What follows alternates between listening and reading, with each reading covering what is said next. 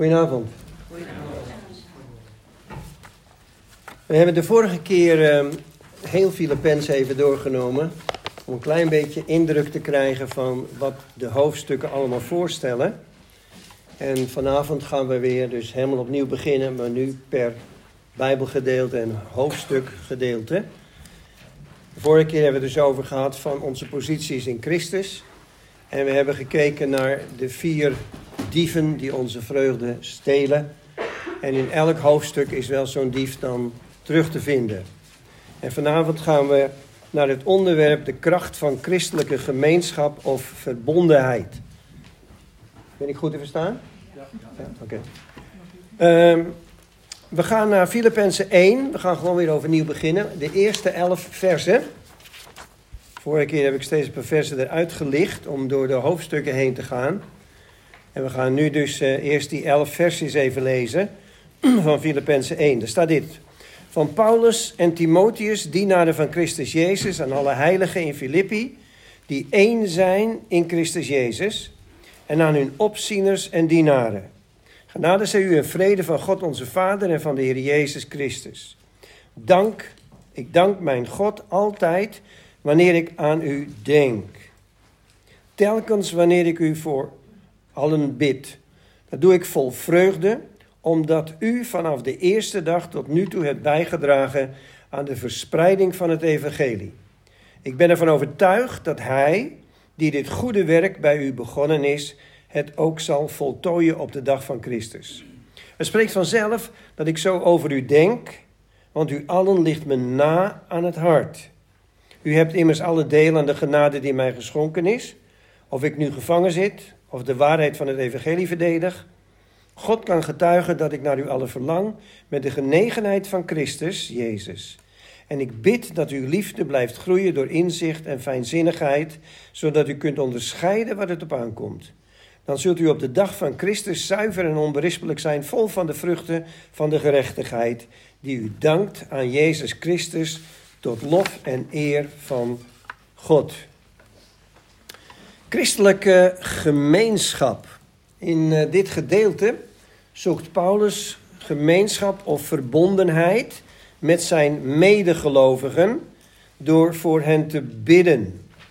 En het woordje gemeenschap moeten we even naar kijken. Iets gemeenschappelijk hebben of beleven. Of andere vertaling, samen verbonden zijn in één. In iemand. Christelijke gemeenschap gaat namelijk veel verder dan samen een kopje koffie drinken. Er is ook verschil tussen een kennismaking, met elkaar kennismaken, en gemeenschap met elkaar hebben. In principe, en dat moeten we even vasthouden, kun je alleen maar gemeenschap hebben met iemand als je iets met die ander gemeen hebt. Gemeenschappelijk hebt dus. Bijvoorbeeld jij gelooft in Jezus, die ander gelooft in Jezus en we hebben samen iets gemeen. Gemeenschappelijks. Oké, je geloofservaring kan je dan delen en je kunt uh, daar verder op doorgaan. In Filippenzen 2 vers 1, daar wordt nog eens gesproken over verbondenheid, ontferming en medeleven. Daar komt dat thema eigenlijk nog weer een keertje in terug. Het kan ook anders als we kijken in hoofdstuk 3 vers 10. Dit alles om hem te kennen en de kracht zijner opstanding. En nou komt er iets wat heel belangrijk is deze avond in de studies. En gemeenschap hebben aan zijn lijden. Als wij over gemeenschap hebben praten met Jezus, is het altijd over de zegeningen. Genezing, kracht, heerlijkheid. Maar als je gekozen hebt voor Jezus, heb je ook deel aan zijn lijden. Er is een lijden om de naam van Jezus. Wat niet hetzelfde is als ziek zijn. dat heb ik al eens uitgelegd. Dat vind je ook terug bij Jacobus. Is er iemand ziek onder u? Laat hij dan de oudste roepen op dat ze met olie zalven. Maar als er een lijden is, verzoeking, vorm van lijden ook, dan moet je om wijsheid bidden. Hoe ga ik daar goed mee om? En wat kan ik daar ook van leren? Dus dat zijn even twee belangrijke punten. Dus christelijke gemeenschap is niet alleen maar wij zijn met elkaar verbonden en één willen we zijn in ons geloof in Jezus. Maar het heeft ook te maken met gemeenschap hebben met Jezus aan zijn overwinning, aan alles wat heerlijk is, maar ook aan zijn lijden. Die verbondenheid, die zul je ook op alle manieren moeten ervaren. Dus Paulus probeert in deze brief uit te leggen wat gemeenschap of verbondenheid voor hem betekent. En daar moeten we even naar kijken. In principe zijn dat drie dingen hier. In vers 3, in vers 7 en in vers 9 van het eerste hoofdstuk. Daar geeft hij drie dingen aan. Ik ga ze alle drie even met je lezen. Dus in Filippenzen 1, vers 3 zegt hij: Ik dank mijn God altijd wanneer ik aan u denk. Dus hij dankt God wanneer hij aan de medegelovigen denkt. Hoe dat werkt gaan we zo wel even zien. Het gaat nu alleen even om de punten. Dan gaan we naar hoofdstuk 1, vers 7. Daar zegt hij: Het spreekt vanzelf dat ik zo over u denk, want u allen ligt me na aan het hart. Andere vertaling: Je bent ook in mijn hart. Je bent niet alleen in mijn denken, je bent ook in mijn hart. Ja? Dan gaan we naar het derde vers, vers 9. En daar zegt hij: En ik bid dat uw liefde blijft groeien door inzicht en fijnzinnigheid. Dus je bent in mijn denken, je bent in mijn hart en je bent in mijn gebeden. Dat heeft te maken met gemeenschap, verbondenheid. En daar moeten we eventjes zo verder naar gaan kijken. En Paulus zegt dat deze drie teksten gaan allemaal over die christelijke gemeenschap dus. Dus laten we eens kijken naar die eerste, dat eerste vers. Je bent in mijn denken. Je bent in mijn gedachten. Als Paulus dat zegt, dan moet je even realiseren dat hij wel gevangen zit. Hij wordt wel bezig gehouden door andere dingen dan te denken aan andere mensen. Dat zelfs in een stukje pijn en strijd denkt hij nog aan die ander. Dus dat is eigenlijk een prachtig principe. Hij is bezig ook nog met die ander. En misschien is het goed om, als ik dat zo zeg, om je even te realiseren en te herinneren wat Jezus nou precies heeft gedaan en waar het op aankomt, ook voor ons nog vandaag de dag. Om gewoon even kijken. Het werk van God voor ons, het werk dat God voor ons doet, gedaan heeft, is één verlossing. Dat is het werk wat God voor ons heeft gedaan, verlossing door Jezus Christus. Dan krijg je het tweede punt. En het tweede is het werk dat God in ons doet. Dus voor ons, verlossing, in ons, heiliging. Hij bewerkt heiliging in ons. En het derde is het werk dat God nu door ons wil gaan doen. Voor ons, in ons, door ons. En door ons is dus, Hij wil de wereld dienen door ons heen. Hij wil dat we elkaar dienen door ons heen. Ja? Dus voor ons, in ons en door ons. En dan kijken we dat Paulus zegt: Je bent in mijn gedachten. En wij zeggen dat ook wel eens uh, tegen elkaar. Ik zal aan je denken. Nou ja, stelt misschien nog niet zoveel voor. Toch is het ook een gevaarlijk zinnetje. Want als je met iemand hebt gesproken die je niet zo mag. En die zegt, nou ik zal aan me denken. Hoe denkt hij dan aan je? Hè? Dus ja, ik ben in je denken. Er zitten twee kanten aan. Maar we gaan hier uit van de goede kant. Ik zal je denken. Je bent in mijn gedachten. Ik ben met je bezig. Je bent een onderdeel van mijn leven. En dat is belangrijk. Je bent in mijn denken. Maar het tweede punt gaat dan ook meteen veel dieper.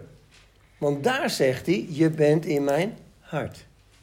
Ik heb je in mijn hart gesloten. Ik ben niet alleen maar in mijn denken. Je bent nu ook in mijn hart. Je kunt aan iemand denken zonder daadwerkelijk met hem bezig te zijn. Maar als je iemand in je hart gesloten hebt, dan heeft dat ook te maken met geloof en liefde. Je gelooft in die ander en hebt hem lief. Je wilt één met hem zijn. Je hebt hem in je hart gesloten. Je gelooft erin en er is liefde bij gekomen. Wat een andere dimensie is dan je bent in mijn denken. Alleen maar. Ja? Dus dat komt hier ook naar voren. Paulus zegt hier ook: Zo van u allen te denken, spreekt voor mij dan ook vanzelf, want je bent mij na aan het hart, of in mijn hart in een andere vertaling. Dus christelijke liefde is niet iets dat je door veel inspanning moet verkrijgen.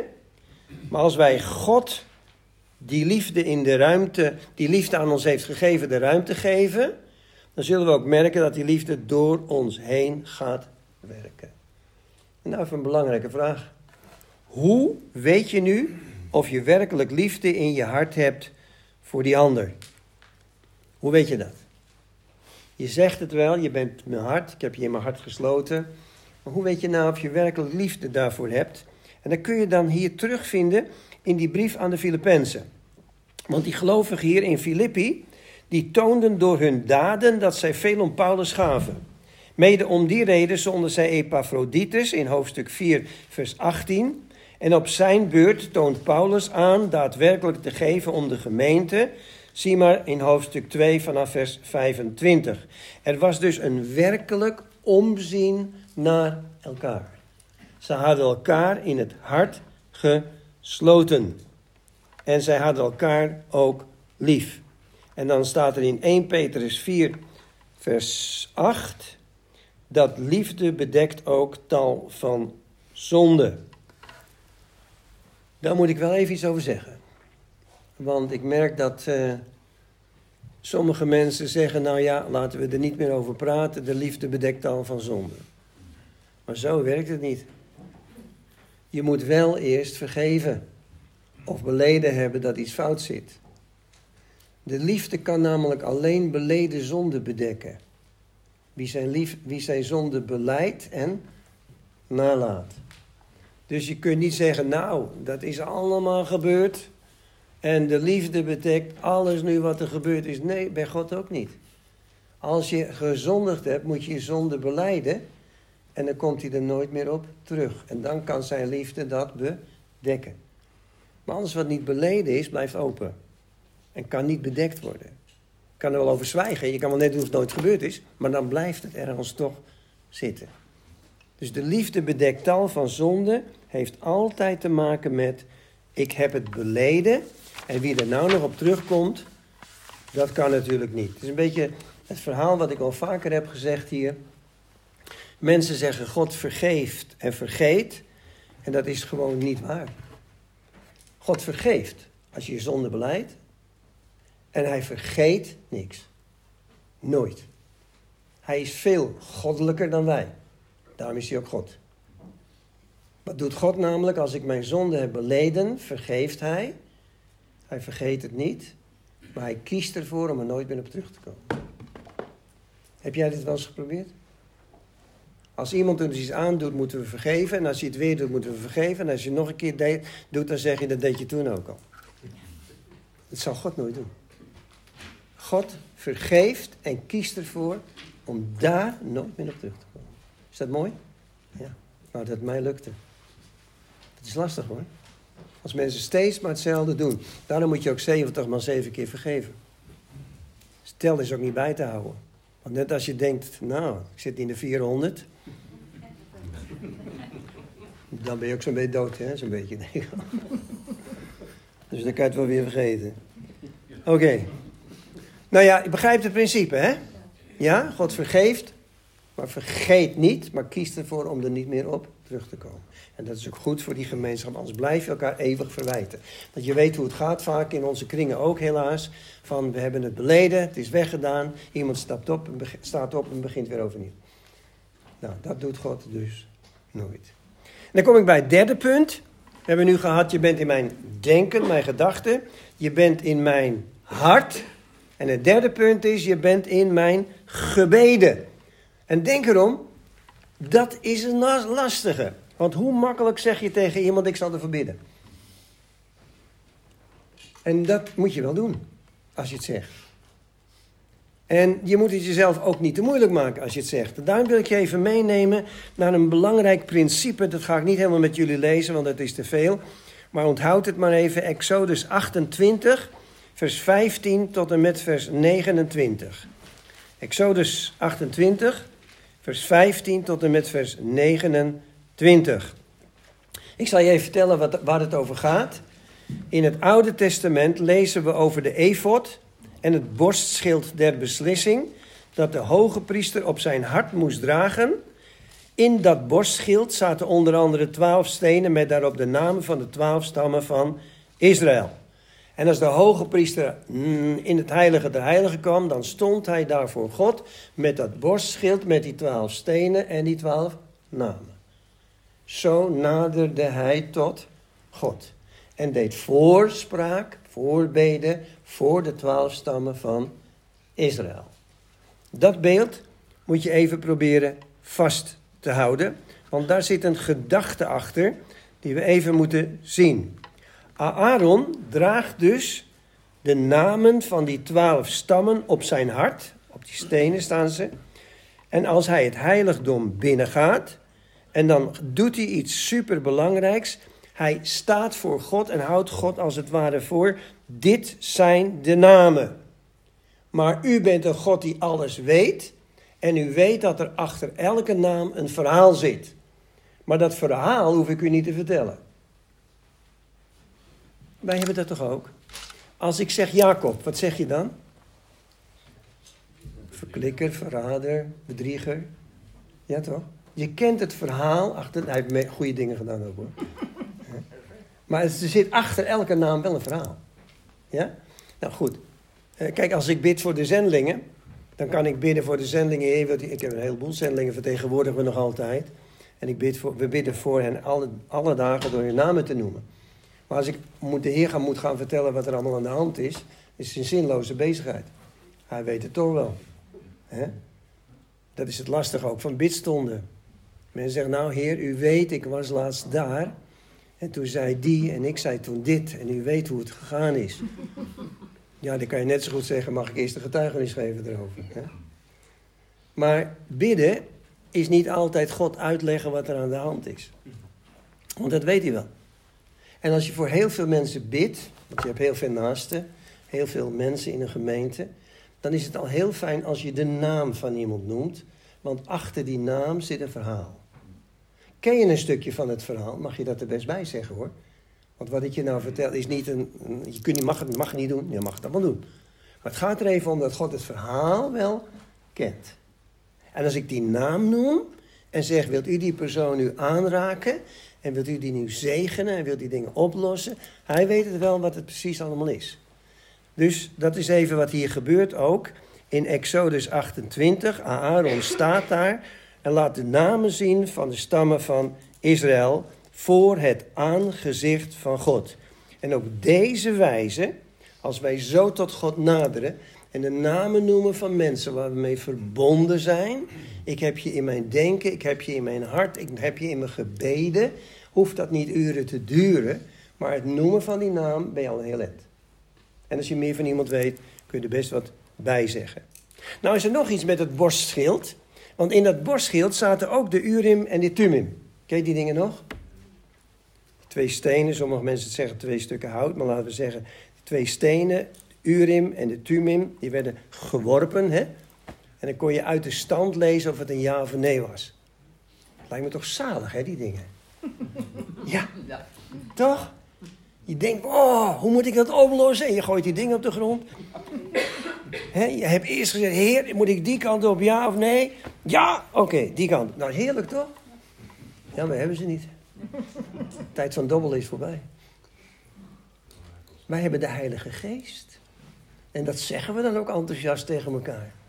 Maar de stem van de geest verstaan kost tijd en we hebben geen tijd. Dus dobbelen was makkelijker geweest natuurlijk. Ja toch? Paar stenen op de grond, dat kan allemaal. Nee, maar wij hebben de geest. En dat is meteen het probleem. Want als je de stem van God wil verstaan, moet je tijd nemen. En tijd hebben we niet. We hebben tijd om te bidden, heel snel.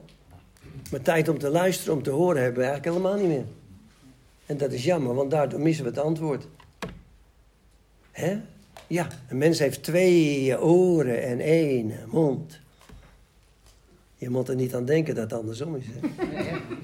Nee. Een klets je uit je nek. Zo. Ja. Maar goed, zo is het toch?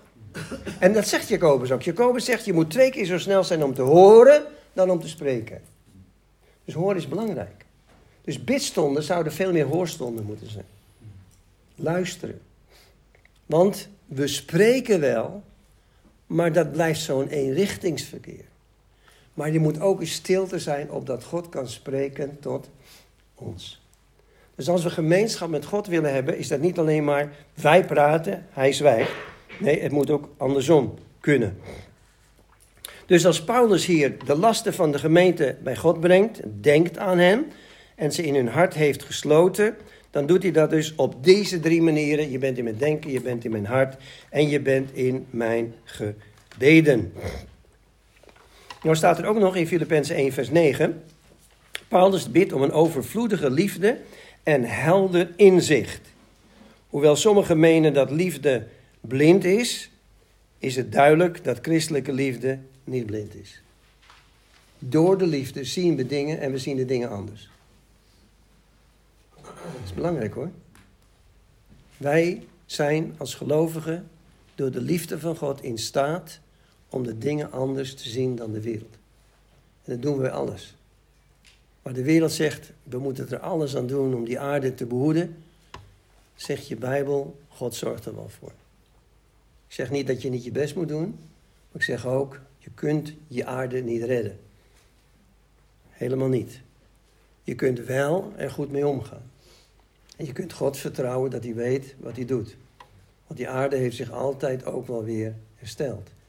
Nou is dit niet een, eh, een politiek verhaaltje. dit, dit moet je gewoon even naast je neerleggen. Maar het gaat er even om dat God te vertrouwen is. En dat we op hem kunnen rekenen. Dus helder inzicht. We zien de dingen anders en we zien de dingen soms anders. En dat is lastig in deze tijd. Maar je moet wel kunnen onderscheiden waar het op aankomt. Er is nog een belangrijk punt hier. Dat is dat Paulus ook bidt voor het karakter van zijn medegelovigen. Hij wil heel graag dat, ze vrucht gezien, dat er vrucht gezien wordt vanuit hun eigen gemeenschap met Jezus. En dat zegt hij dan in vers 11.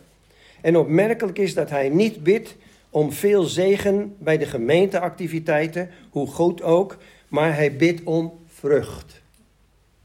Hij bidt niet om zegen, maar hij bidt om. Hou dat ook even vast, want daarmee eindigde dat stukje ook wat we net gelezen hebben. Door geestelijke vrucht wordt God ook verheerlijkt.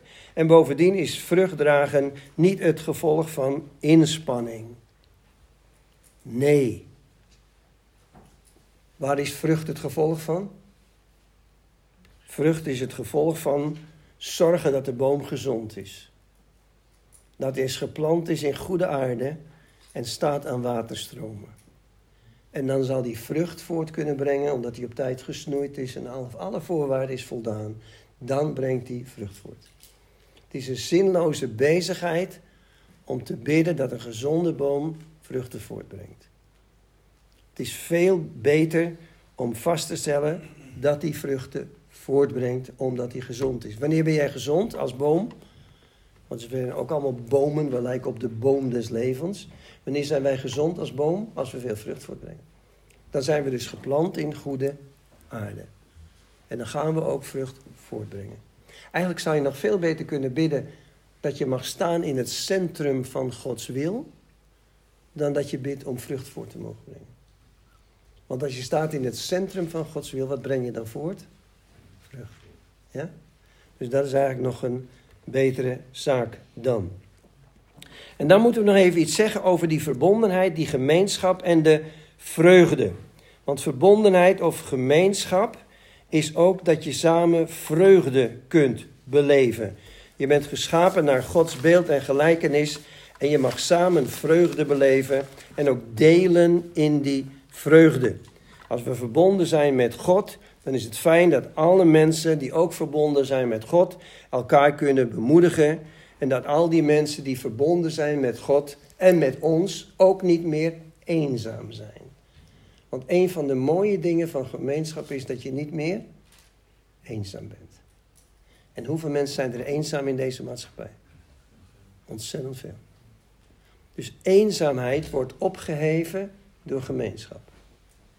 Zeker ook door christelijke gemeenschap. Laat me een klein verhaaltje vertellen.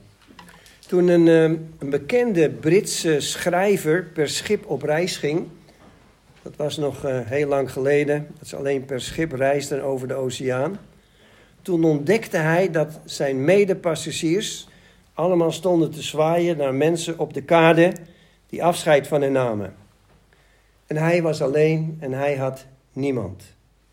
En daarom rende hij de loopplank af naar de kade en vroeg daar aan een jongetje of hij, dat jongetje, tegen betaling naar hem zou willen zwaaien.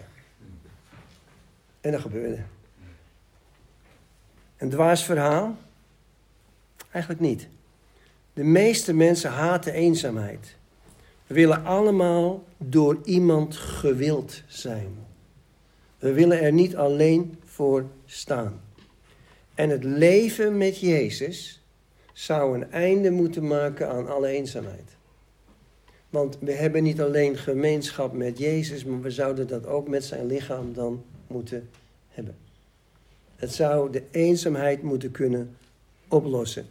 Omdat we verbonden zijn met God en in Hem ook met medegelovigen. En dat is wel een belangrijk punt. Verbondenheid, gemeenschap zou ook eenzaamheid moeten opheffen. Ehm, ik heb hier twee stellingen, die geef ik maar even aan jullie. Eén heb ik net genoemd. Verbondenheid is het antwoord van Jezus op eenzaamheid. En vreugde, hoort bij verbondenheid, is zijn antwoord op de leegte in vele levens. Heb je al die ellende weer gezien? Afgelopen zondag. Van alle demonische dingetjes die weer op ons afkwamen. En die onder het motto van vreugde op ons af moeten komen om te griezelen. Een leegte. Een leegte in veel levens. En je zou het eigenlijk moeten opvullen. Antwoord van God op eenzaamheid, genieten, is altijd vreugde. Want de vreugde van Hem over ons is ook onze kracht.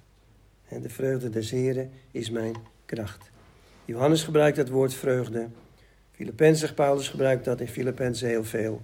En de psalmist zegt in psalm 16 vers 11... Overvloed van vreugde is bij uw aangezicht, o God. Weet je, weet je trouwens dat Karl Marx, die heeft eens geschreven... een eerste vereiste voor de mens om tot echte vreugde te komen... is de afschaffing van de religie. En weet je dat ik het daar helemaal mee eens ben? Want ik heb geen religie. Ik heb een geloof in Jezus Christus. Want religie is inderdaad dodelijk in veel gevallen. Maar geloof in Jezus brengt altijd vreugde. En doorbreekt ook de eenzaamheid. Oké. Ehm, nou, daar valt nog meer over te zeggen, maar ik ga ook nog even naar het tweede deel. Daar moeten we ook nog wat tijd voor nemen. Dus dit is dus het verhaal over gemeenschap of verbondenheid. Verbondenheid heft ook eenzaamheid op en is ook, brengt vreugde in elkaars leven. En als je dan, ja, nog één ding erover. Als je geen gemeenschap met God meer ervaart of verbondenheid, dan kan dat komen door een aantal dingen. En die wil ik nog wel even benoemen. Eén, je bent ongehoorzaam aan de wil van God. Dat zou je gemeenschap verbondenheid kunnen schaden, zeker ook je vreugde. Je bent ongehoorzaam aan de wil van God. Twee, je hebt ruzie met medegelovigen. Dat is ook niet goed voor de gemeenschap.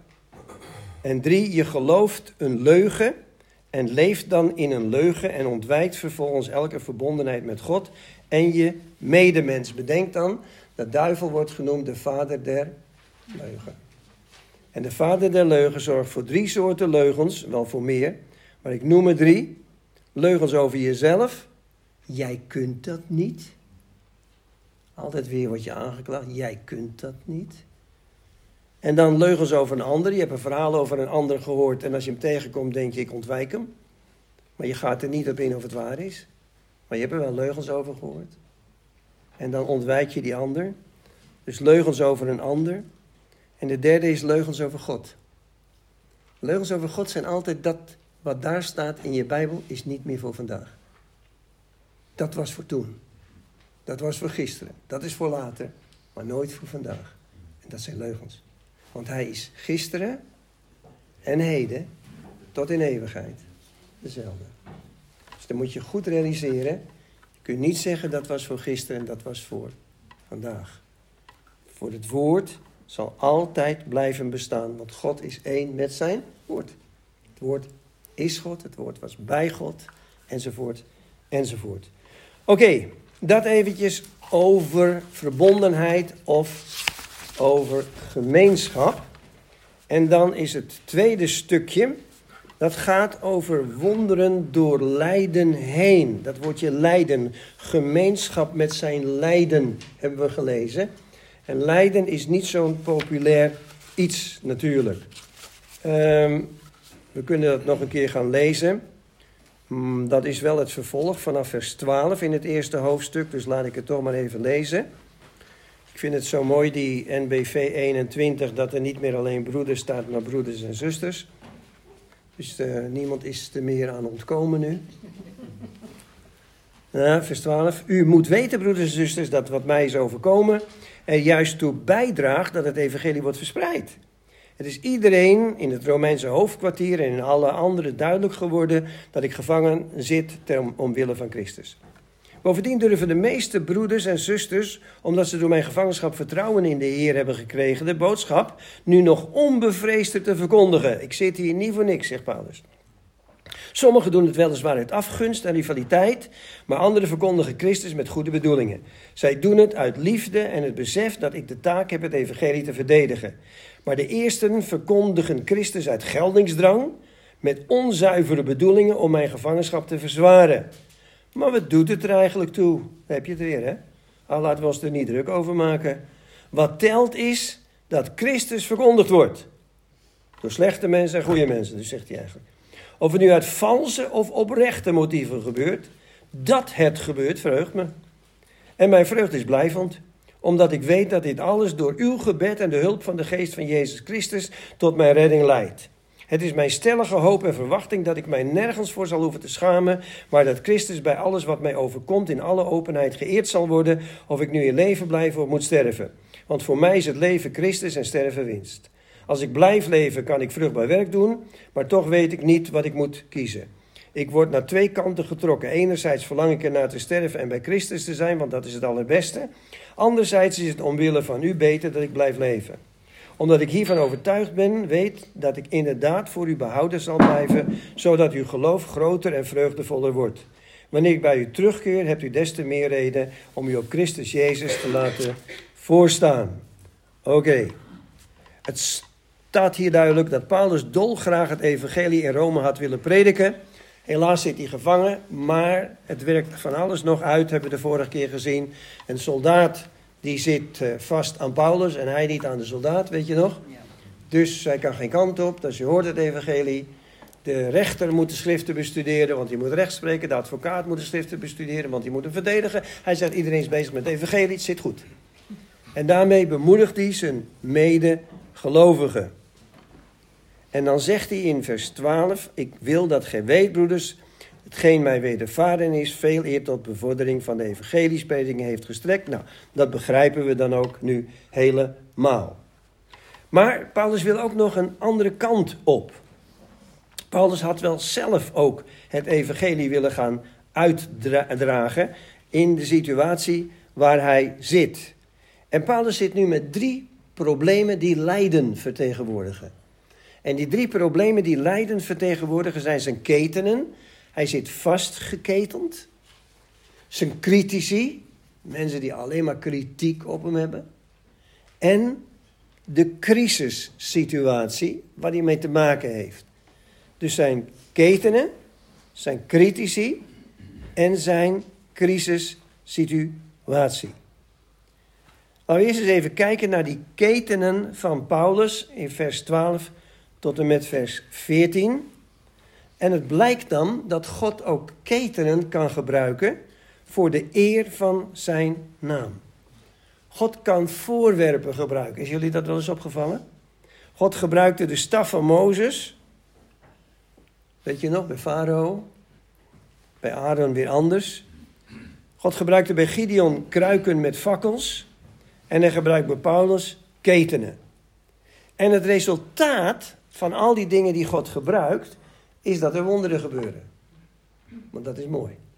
Dus God gebruikt al die attributen om uiteindelijk te laten zien dat hij boven alle dingen staat.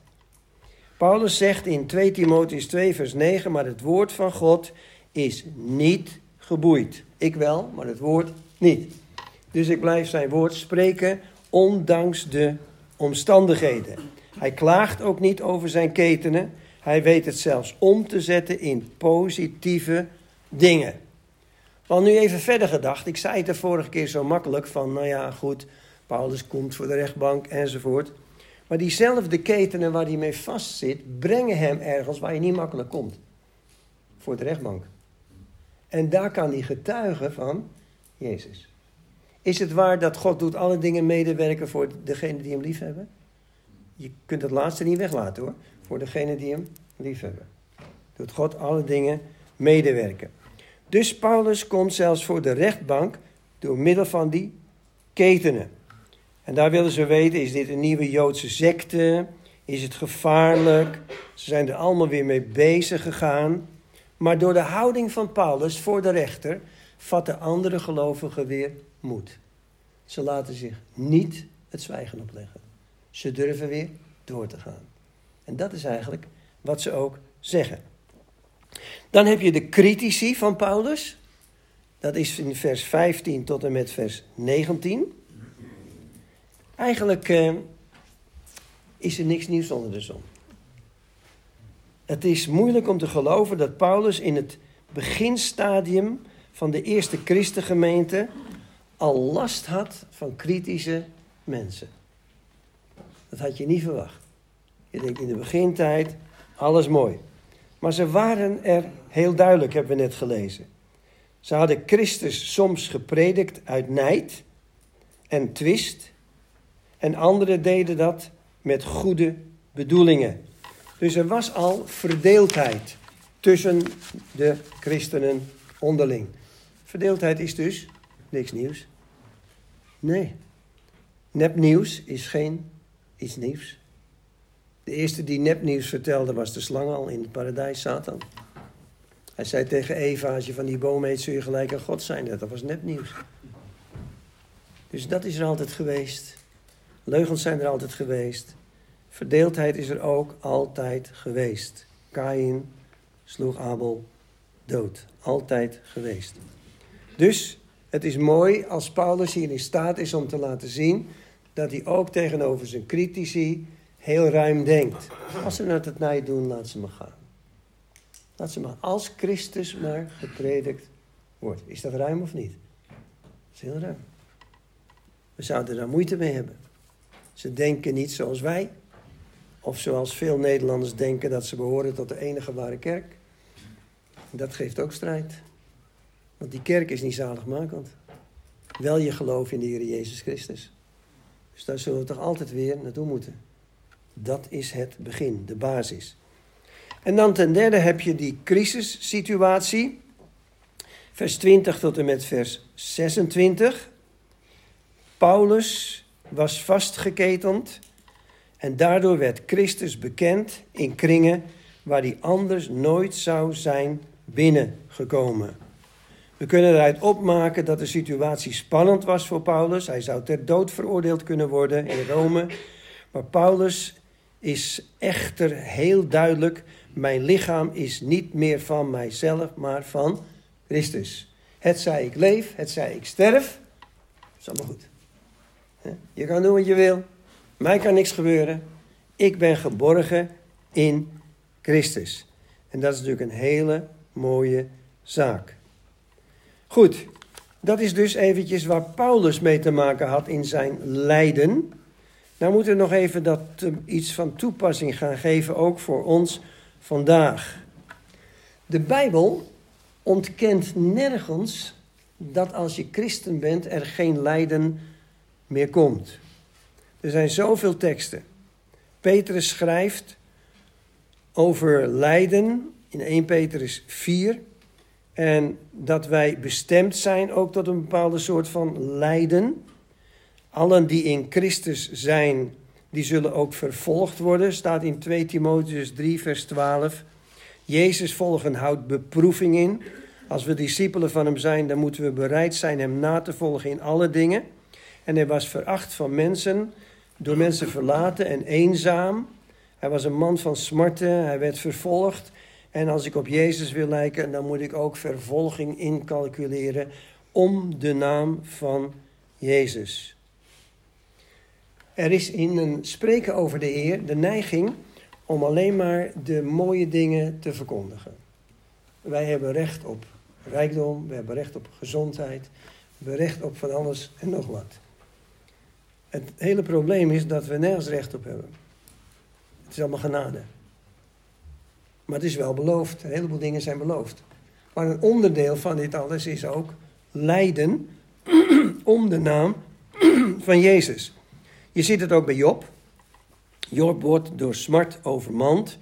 Job heeft een vreselijke tijd. Maar als hij volhardt, volhardt, dan komt er ook iets heel moois uit voort.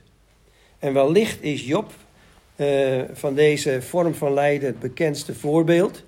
Hij uh, werd ook eigenlijk zonder oorzaak daarvoor gekozen, omdat de duivel hem wilde uh, verzoeken op deze manier. Maar ter bemoediging komt Jacobus dan ook weer en die zegt: Houd het voor louter vreugde, indien jullie in velelei verzoeking vallen. De verzoeking is geen vreugde, maar de uitkomst weer wel. Ik wil even ingaan niet op het nut van lijden, want dat hebben jullie intussen wel begrepen. Het nut van lijden is simpelweg wat Jacobus zegt.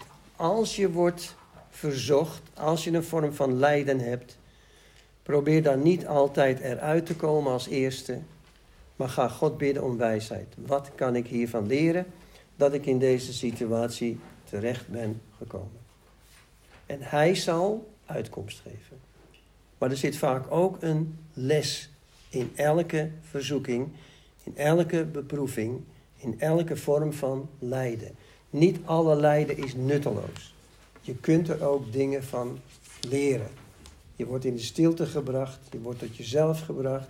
Dus het is nooit altijd nutteloos. Dus probeer niet meteen het allemaal weg te bidden. Probeer ook een moment te ontdekken van hoe komt het dat ik hierin zit? Wat zou ik hier nog van kunnen leren? En God geeft uitkomst. Natuurlijk, het mag er altijd bij. Oké, ehm, waar ik mee bezig ben, als ik dit allemaal lees, is niet dat er lijden is. Want denk maar aan de leidende kerk en alle mensen die lijden om de naam van Jezus. En wij hier ook hoor, komt hier ook steeds meer. Je kunt steeds minder zeggen. Het lijden komt echt op ons af om de naam van Jezus. Moet straks moet je mond houden over Jezus is de enige weg. Want dat is uh, al niet meer juist, veroordelend, discriminerend. Noem het allemaal maar op. Want er zijn vele wegen. Maar ik blijf geloven, er is maar één weg tot God. En dat is Jezus Christus. Maar je mag het straks allemaal niet meer zeggen. Want iedereen mag zijn mening hebben, behalve de christen. En dat is een vorm van vervolging. En we zijn er al in. En het zal erger worden. Dus calculeer gewoon in dat er een lijden is om de naam van Jezus. Als we dat zeggen, en daarmee moet ik eindigen vanavond. Ik ga er dus nog iets over zeggen. Moet ik wel even wijzen op dat wij niet altijd een goed begrip hebben van genade. Genade is iets uh, waar we heel veel over spreken, maar niet altijd doorhebben hoe het precies is. Wat bedoelt God met genade? Genade heeft dus nooit te maken met verdiensten. Toch wekken we altijd de indruk dat het wel iets met verdiensten te maken heeft. Denk maar aan de zondagschool, althans in mijn tijd, waar ik te horen kreeg: als jullie goed leven en lief zijn, gaan jullie naar de hemel. En anders. Dus dat was geen genade. Dat was verdienste. Als jullie goed leven, als jullie lief zijn, komt het allemaal voor elkaar. Al een vertekend beeld van genade. Als je leest in Efeziërs 2, vers 8 tot 9, dan staat er dat genade is een gift van God die wij ontvangen door het geloof. Dus genade is een gift van God die wij ontvangen door het geloof. In Romeinen hoofdstuk 4, vers 4 en 5, daar staat weer dat uh, er verdienste is. Als iemand werkt, dan heeft hij loon verdiend. Maar genade is een gift.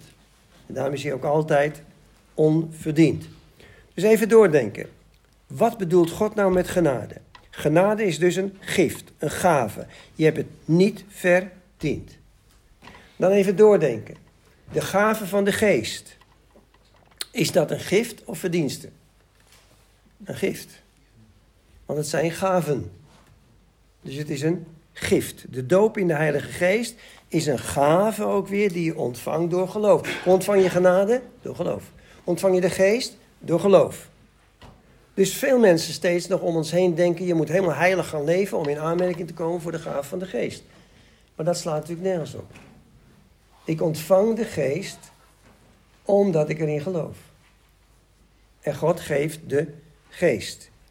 Dus het is niet zo, leef goed, dan ga je naar de hemel. Leef voorbeeldig, voorbeeldig en dan ontvang je de Heilige Geest. Nee, al deze dingen hebben te maken met een gift. Alleen Romeinen zegt dus, als je verwerkt heb je het verdienst. Maar een verdienste is iets anders dan een gift. Nou maken wij dezelfde fout met als wij kijken naar mensen met een bepaalde bediening en zeggen, nou, er gebeuren veel wonderen in die bediening. Wat geweldig is dat. Wat moet die persoon heilig zijn dat er zoveel wonderen gebeuren. Maar die wonderen zeggen niks over die persoon. Want het zijn de gaven van de geest. Het enige wat die wonderen tonen is dat die persoon geloof heeft in een grote God. Maar dat is ook alles. En wij denken dat iemand heel heilig moet leven, dat hij dat mag doen. Als je het verhaal van Handelingen 3 leest, dan zie je dat Petrus en uh, Johannes komen daar bij die schone poort en daar zit die verlamde. En dan zegt Petrus, kijk naar mij. En dan zegt hij dus, zilver en goud heb ik niet, maar wat ik heb, in de naam van Jezus van Nazareth, sta op en wandel. En dan zeggen de mensen, oh, die moet wel heilig leven dat hij dat mag doen. En dan zegt Peter verderop van vers 12, 16 enzovoort in Handelingen 3, dan zegt hij, wat kijken jullie nou naar me? Alsof ik door mijn heiligheid en godsvrucht dit wonder tot stand heb mogen brengen. Het is niet gebeurd door mijn heiligheid, maar door het geloof in die naam. En wie had het geloof in die naam? Petrus. Die verlamde niet, die geloofde helemaal nergens in. Die zat alleen maar voor een fooi. Maar Petrus geloofde dat. En het geloof in die naam is dat wonder gebeurd. Zei dat wonder iets over Petrus? Ja, het geloof in die naam. Maar zei het iets over zijn heiligheid of vertrouwen of leven? Zei er niks over. De vraag is altijd weer, hoe kunnen voorgangers, geestelijke leiders, waarvan we weten dat er zonde is in hun leven, toch nog wonderen en tekenen hebben? Omdat die wonderen en tekenen niks zeggen over hun, maar over de grootheid van God. Daar zit het hele punt. Een wonder zegt niks over jou, maar over God. Weet je nog Matthäus 7? We staan voor de troon van God en we zeggen: Hebben wij niet in uw naam geprofiteerd en wonderen gedaan? En hij zegt: Ik heb je nooit gekend. Wonderen en tekenen zijn niet de vrucht, maar zijn de gaven van God. En die zeggen alles over God en niks over jou. Wat zegt wat over jou? De vrucht. Aan de vruchten kennen we de boom. En de heerlijkheid van God zegt niks over de gave, maar wel. Nee, zegt alles over de gave, maar niks over jouw leven. Petrus heeft het gedaan. En veel mensen hebben steeds aangenomen dat de gaven van de geest de beloning zijn voor een veranderd leven. En dat is natuurlijk onzin, want je ontvangt de geest ook weer door geloof. En daarom wordt het je ook niet afgenomen. Wonderen demonstreren de kracht van God. Wonderen laten zien wie God is. God geeft en neemt niet terug. Maar jij zelf kan het allemaal uitdoven. Daarom staat er ook doof de geest niet uit. 1 Thessalonicense 5, vers 19. Of bedroef de geest uit God niet. Dus er kunnen wonderen en tekenen gebeuren die in principe niets te maken hebben met jouw leven. En dat maakt het ook zo lastig om te onderscheiden of iets uit God is of niet. En iets kan nog best uit God zijn omdat de naam van Jezus wordt gebruikt. En er is kracht in de naam van Jezus. Maar het mooie in je Bijbel is eigenlijk steeds weer dat in Jesaja wordt gezegd, God zegt, ik zond mijn woord en genas. En degene die het woord spreekt, merkt dat het woord werkt. Maar het zegt niks over het leven van die persoon. Daar moeten we altijd komen tot de vruchten in ons leven. Dus zorg ervoor dat je weer goed omgaat, dat je altijd goed omgaat met genade. Want de genade van God is oneindig groot. En die genade heb je ook nodig ten tijde van lijden om de naam van Jezus. Je hebt het niet verdiend, maar je krijgt het overvloedig. Want de genade is heilbrengend verschenen in Christus Jezus. En helpt je ook om in tijden van lijden staande te blijven. En op God te blijven zien. Ik denk dat ik hier moet stoppen. Want we hebben nog even tijd dan als er nog vragen zijn. Zijn er nog mensen die eventueel nog een vraag zouden willen stellen? Dan mag dat.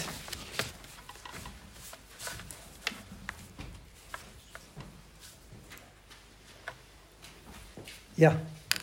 Ik merk dat vruchten nog een beetje vaag blijft vinden. Um, je had het net over dat we ook zijn als een boom en lijken op de boom des levens. Nou, als ik aan een kastanjeboom denk, dan denk ik aan de vrucht, namelijk kastanje. Heel, echt heel simpel. Maar wat is nou de vrucht die je dan mag verwachten van een christen? Is het al de vrucht van de geest? Of nog wat anders? Ja, je mag, het woord, er wordt een ander woord nog eh, niet gebruikt, maar wel gehanteerd, ook vrucht. De vrucht is bijvoorbeeld ook alle zielen die je hebt mogen, mensen die je hebt mogen redden voor de eeuwigheid. Is een vrucht. Alleen daar is niet meteen beloning voor. Als het gaat om de vrucht van de geest, is het gelaten 5 vers 23, de vrucht van de geest, liefde, blijdschap, enzovoort, enzovoort.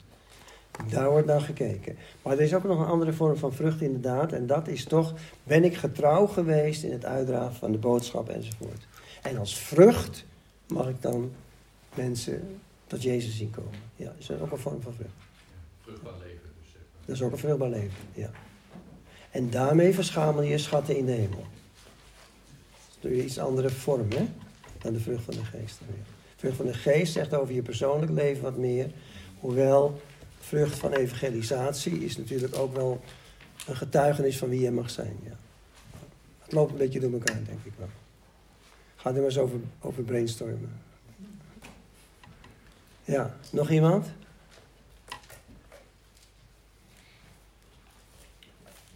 Ja? Nee. nee. Lijden is duidelijk. Is, er verschil, is het verschil voor jullie duidelijk tussen lijden en ziek zijn? Ziek zijn kan ook lijden zijn hoor.